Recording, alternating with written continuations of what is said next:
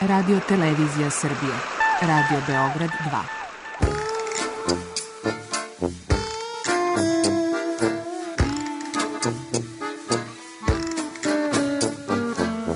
Rekli su mi, gospodine, vi ste promašili temu. Pa ja sam onda promašio život.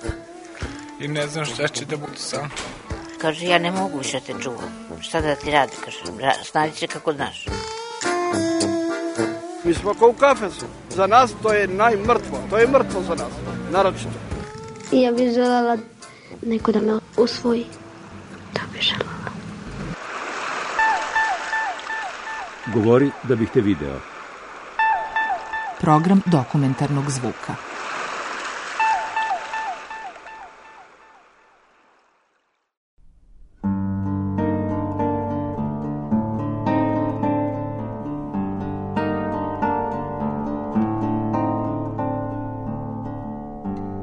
Kako sam se vratila kući.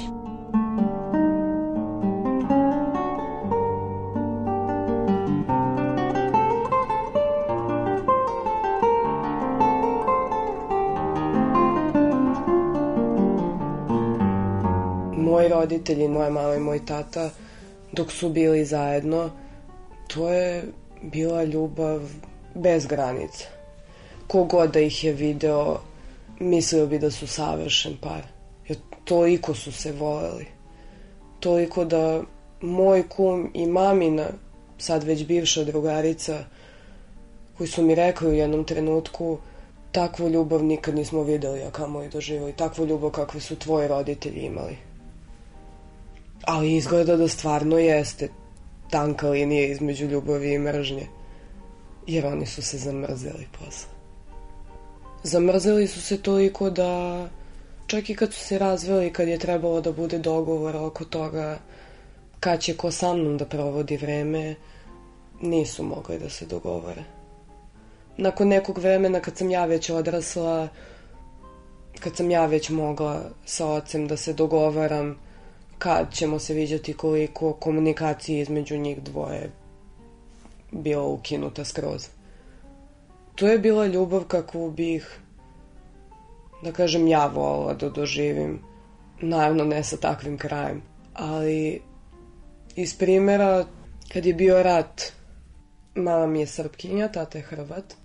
Pošto su se oni upoznali kad su imali 18 i 19 godina na skijanju, zavolili su se, zaljubili se nenormalno. Ali, s obzirom na države koje su živjeli, nisu jednostavno mogli da se viđaju često. Moj tata kad je bio u vojsci, jednu noć samo pobegao iz vojske i dogovorio se sa mojom mamom da se nađu na granici Mađarske. Jel tako je mogo jedino da, da pređe u Srbiju. Moja mama i moj kum su došli kolima do granice i sačekali su ga tamo. On je prešao, seo je sa njima u kola i oni su krenuli za Beograd. Niko nije ništa znao, niko nije imao nikakav plan. Samo su se dogovorili da će da budu zajedno, da moraju jednostavno da budu zajedno. Ne mogu rastavljeni da budu. Jednostavno je bilo nezamislivo. Na putu do Beograda su morali da stanu, da spale sva tatina dokumenta. Ne daj Bože da ih neko zaustavi da vidi Hrvata da voze u autu. Došli su kod mame kući. Mama je živa, naravno, sa roditeljima i dalje. I tata je tu ostao. Sve dok se ja nisam rodila.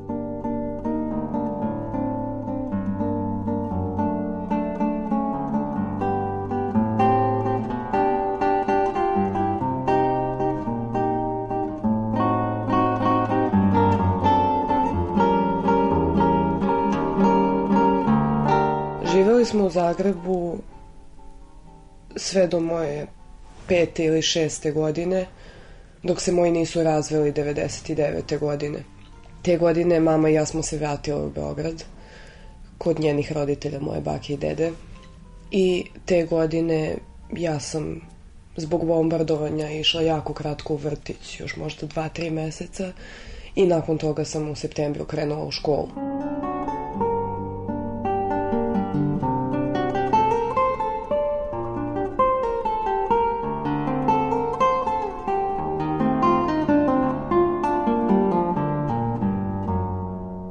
Leta 2001. godine mama je izjavila kako će da ode kod jednog njenog školskog prijatelja na letovanje u Španiju. Dobro, nek ide na letovanje. Nek se lepo provede, zaslužila je odmor.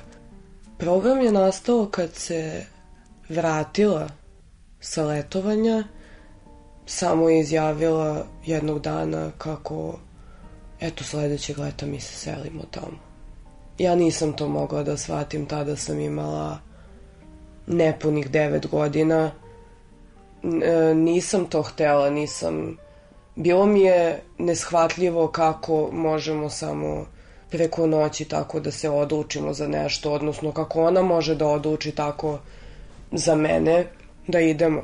Mi smo otišli tamo zbog mog očuha. E, to je navodno bila neka zaljubljenost, možda čak i ljubav. Nešto je tu bilo što ja ni dan danas ne razumem. Kako to odjednom samo da smo da si jednog leta ti otišao na letovanje tu sledećeg leta smo se mi već selili. Kako?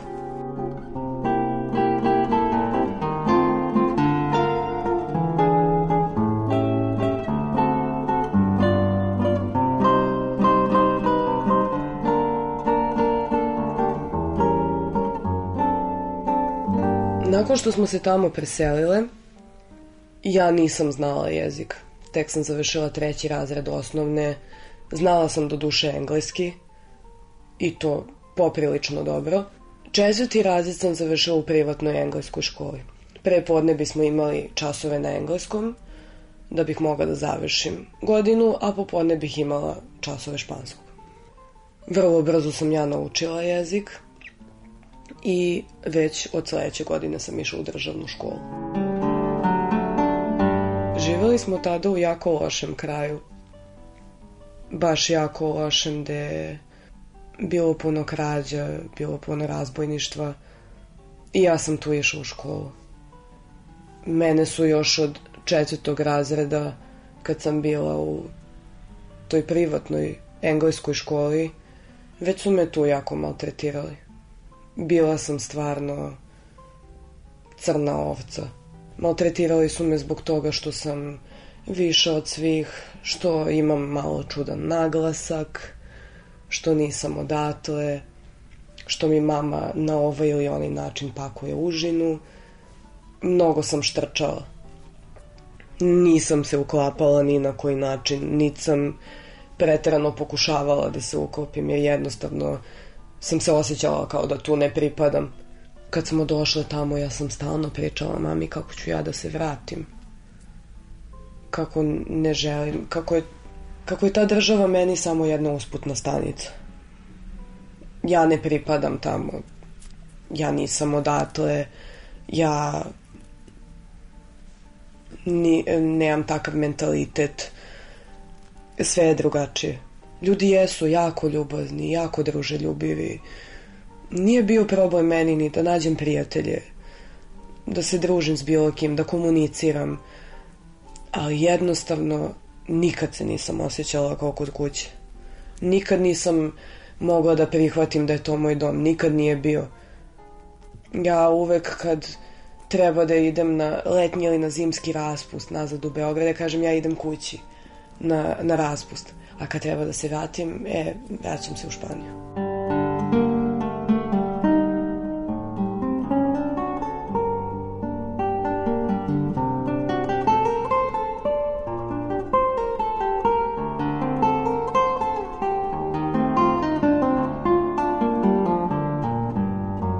Dok smo živeli u tom lošijem kraju, baš sam mnogo vremena provodila sama. Išla sam u to vreme i na sport. To me donekle izvlačilo. Išla sam na karate neko vreme. Ali opet to nije bilo to. Odbijala sam svuda sem u školi da pričam španski. Svuda sam pričala engleski. Izolovala sam se jako. Umeđu vremenu se rodila moja sestra. Preselili smo se u mnogo bolji kraj. Sa mamom odnos nikad bio, nije bio dobar. Od kad smo se preselile, postao je sve gori i gori. Mama se nije slagala sa očuhom. Svađe su postale svakodnevne. Ona je u to vreme nije imala zvaničan posao, nego je volontirala u jednom institutu. Videlo se po njoj da je ona nezadovoljna svojim životom.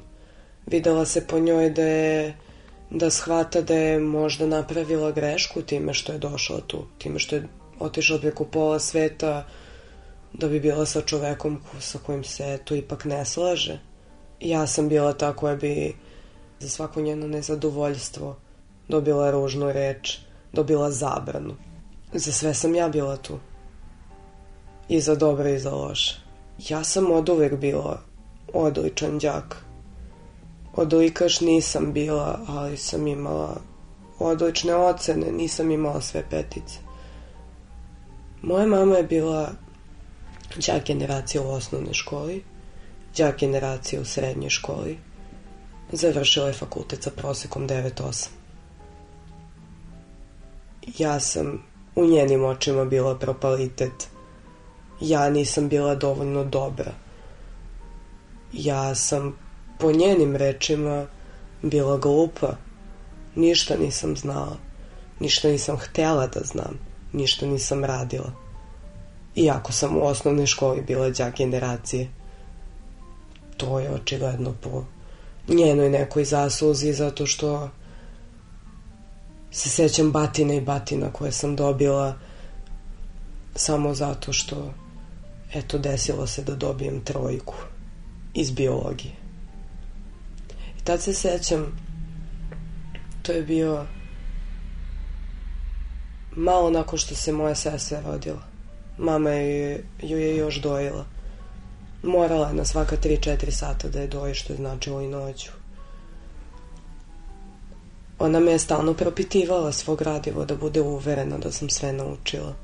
Desilo se da je to ta trojka, ta čuvena trojka, uh, je morala odmah da se popravi. Uzela je da me propituje i ja nisam znala. Usledile su klasične batine posle toga i rekla je evo ti knjiga, sedi uči.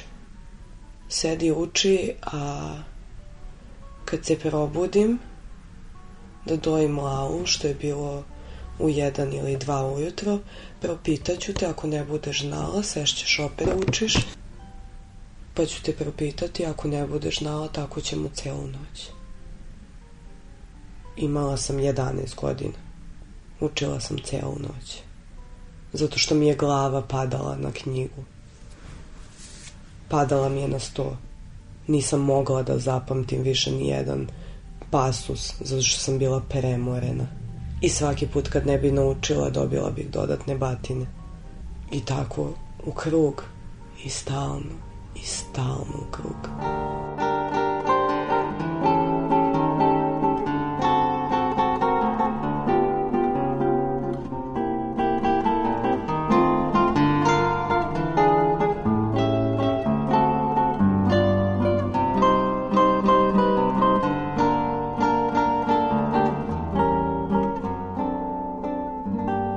pokušavala sam na sve načine da da osmislim svoju svakodnevnicu tako da bi mi bilo lakše da preguram svaki dan.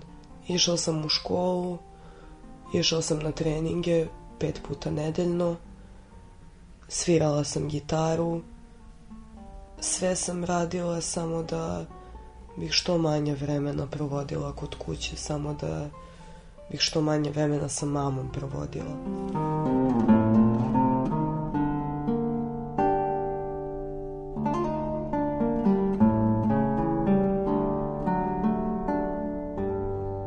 Sećam se, sedela sam u sobi i učila. Opet sam bila kažnjena zbog nečega, čega god. Zato što nisam uradila to ili to u kući, nisam namestila to pod tim i tim uglom. Nebitno. Čula sam kako je moja soba odmah do kuhinje bila kao da neko plješće rukama. I čula sam kratke vriske, onako ne prigušene, nego kao iseckane. Otišla sam u kuhinju i videla sam kako mama drži sestru u naručiju, a očuh je šamara. I stala sam u tom trenutku i nisam mogla da se pomerim. Samo sam stajala i gledala. I ni dan danas ne mogu da oprostim sebi zašto sam samo ukopala u zemlji. Zašto sam u bukvalnom smislu bila u šoku. Zašto nisam otišla tamo, gurnula ga, uradila bilo šta, samo da prestane. To je trajalo par sekundi. I nakon toga sam se pomerila i došla do mame i uzela sestru iz njenih ruku i otišla do sobe i stavila je na krevet da leži. Kad sam se okrenula i vratila u kuhinju, mama je ležala na podu bez svesti. Očuh je stajao tu iznad i gledao nešto po kuhinji, šta god je radio. Ona je samo ležala. Ali ležala je tako što su oči bile otvorene. Nije, nije progovarala, samo su suze su se slivale onako sa strane niz lice, a ona nije progovarala, samo je tako ležala, nije se pomerala. Bukvalno kao da je bila bez svesti. Kad sve to završilo, bila je i policija na uveđaju, svašta tu tako se izdešavalo. Pored toga, mama ga nije ostavila. Najveća greška koju je tad uradila. Najveća. Ona se samo pokupila, legla u krevetini i izlazila iz sobe dva dana. Bukvalno dva dana nije izlazila iz sobe. Samo je spavala po ceo dan, možda bi otišao do WC-a. Nešto samo je samo je spavala, samo je bila u krevetu. I posle dva dana sećam se ja sam imala neki dečiji rođendan na koji me jedva ubedila da odem zato što sam se plašila da će se opet nešto desiti. Nisam htjela da je ostavim samu. Jedva me ubedila i otišla sam i sećam se kad se rođendan završio ona se vratila da me pokupi i bila je kod frizera. Promenila je frizuru. Ošišala se, već je imala malo kraću kosu, malo iznad ramena, sad se ošišala još kraće i napravila onako kao neki polupaž sa ravnim šiškama. Mene to mnogo podsjećalo na, na frizuru iz Lego kockica. Baš je, baš je identična takva frizura bila. Ta frizura me mnogo, mnogo podsjećala na ceo taj događaj. I dan danas kad vidim neku sliku iz tog perioda, kad vidim da ona na, frizu, na slici ima tu frizuru, setim se šta se desilo.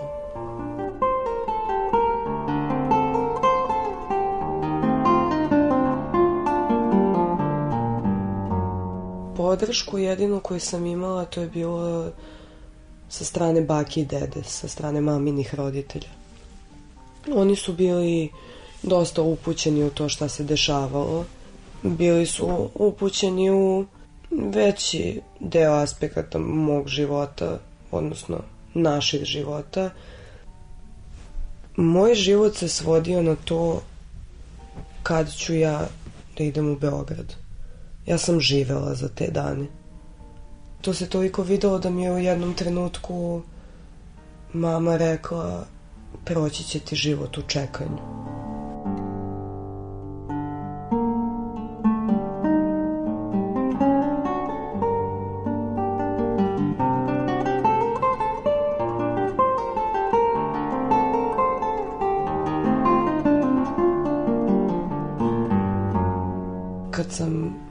Završila treći razred srednje škole, mama i ja smo se jako, jako posvađali. I tom danu, odnosno tog dana, ja sam se pokupila i izašla iz kuće. Uplakana, ne znam šta ću, ne znam gde ću. Ali što je najgore od svega, ja sam instinktivno, ne, ne znam kako mi je pao na pamet, uzela sam svoje pasuše, svoj hrvatski i srpski pasuš i stavila ih kod sebe. Uzela sam svoju kasicu u kojoj sam skupljala pare godinama. Još sam imala neke pare sa strane koje su mi baka i deda slali za rođendane koje, jel te, nisam dala mami na čuvanje. I samo sam izašla iz kuće. Samo sam izjurila tako uplakana. To nije bio prvi put da tako izjurim iz kuće. Dešavalo se na redovnoj bazi. Obično kad se to desi, pošto se tamo najviše koristi voz kao prevozno sredstvo, imala sam običaj da sednem u voz i samo da idem do kraja. I nakon što sam stigla do poslednje stanice, izašla sam i sela sam u autobus koji ide do aerodroma. Nisam planirala ništa. Nisam napravila nikako, nikakav konkretan plan. E, idem tu i tu, uradit ću to i to. Samo sam tako instinktivno išla, samo gde, gde me nešto navodilo. Osjećaj me, osjećaj mi je govorio trebaš da ideš tu. Mnogo sam se uplašila. To je trenutak gde sam se osetila toliko sama. Bukvalno kao da sam sama na svetu, kao da nikoga nemam. Imala sam 17 godina, bila sam maloletna. Nisam smela nigde ni da odem sama bez odobrenja roditelja. Ali sam ipak odlučila da ću da pokušam nešto da uradim. Odlučila sam da hoću svoj život da promenim, da hoću da mi bude bolje, da hoću da se vratim u Beograd, da ću sve da uradim samo da meni bude bolje. Nažalost, da ću sve da uradim samo da odem od mame.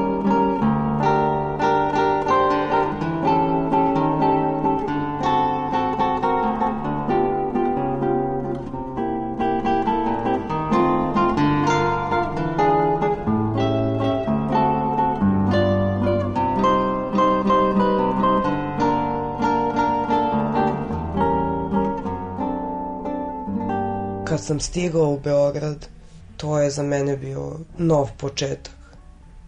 To je bio kraj jednog dela mog života koji u jednu ruku želim da zaboravim, u drugu želim da se sećam šta sam sve preživela zato što znam da svaki problem koji sad imam ne može da se poredi sa time šta sam imala tad. I znam da ako sam to pregurala da ću moći bilo šta drugo. Znači jeste to bio kraj jednog perioda mog života, ali isto tako bio i početak potpuno jedne druge faze mog života. Početak onoga što ja mislim nečeg mnogo boljeg. Početak mog stvarnog života gde ću da se posvetim sebi, gde ću da budem srećna, gde ću da budem tu gde pripadam.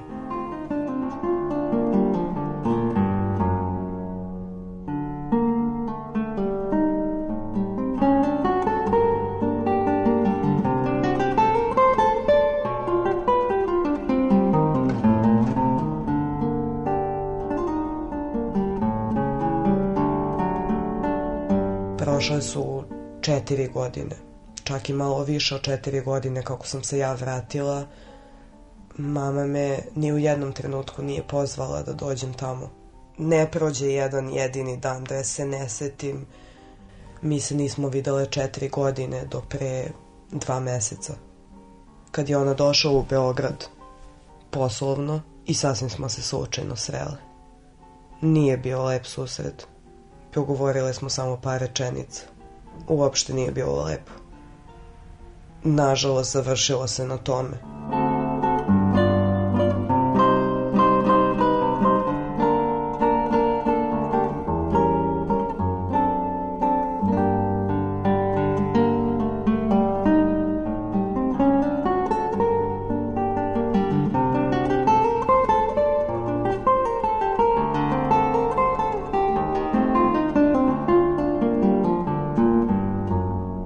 Čuli dokumentarnu reportažu Kako sam se vratila kući. Autor Milena Radić.